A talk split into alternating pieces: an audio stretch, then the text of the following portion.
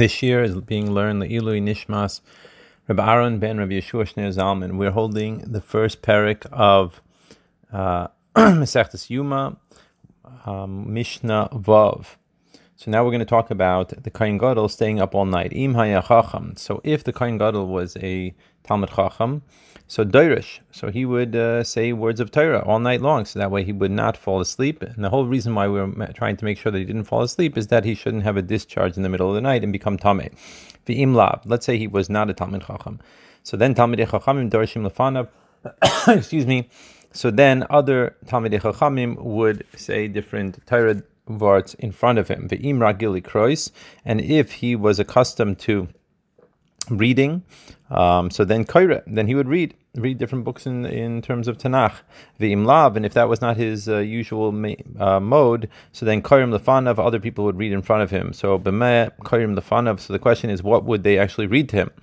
So the Mishnah answers be'iyu ve'ezra b'divrei hayamim. They would read from the books of Job or Ezra or Divrei Hayamim's Chronicles.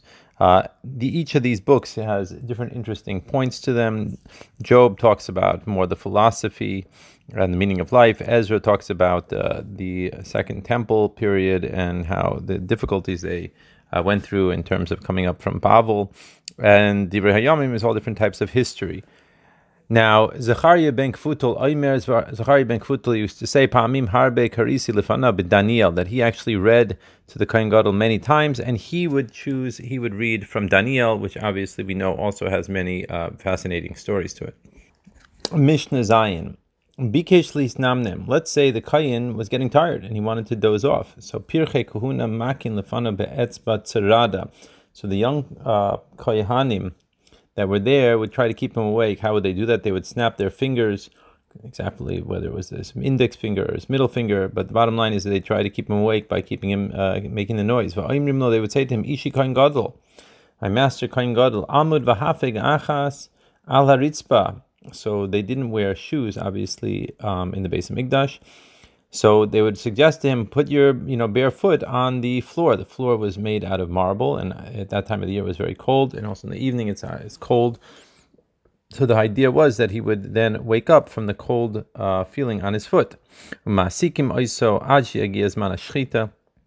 And they would be occupied with him until the time of the shchita, which is at in the morning at dawn, uh, for the Tamid offering for the daytime service to begin.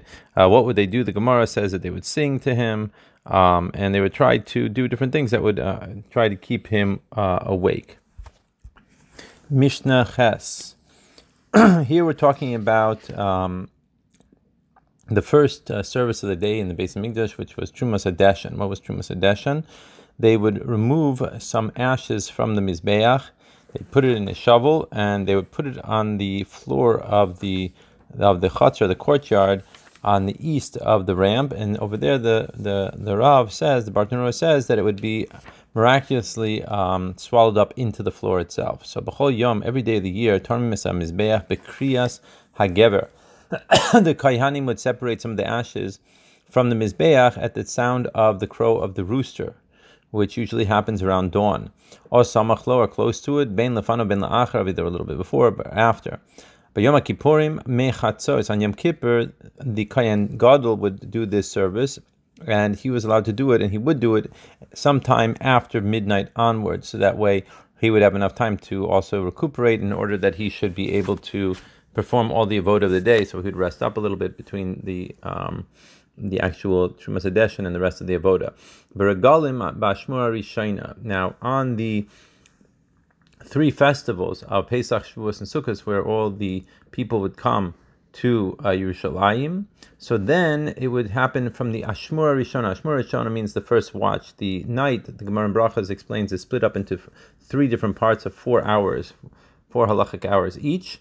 And so they would start from the first watch onward because there was so much to do, uh, and there's so many people there uh, taking part in all of the um, all of the korbanos that needed to be brought on the festival. In fact, and in fact that by the time the rooster would be crowing, right, which means by dawn, Ad Shahaisa Azara Malaya Yisrael, the temple courtyard was already completely filled up with Yidden waiting to bring their karbanas immediately after the Tamid offering.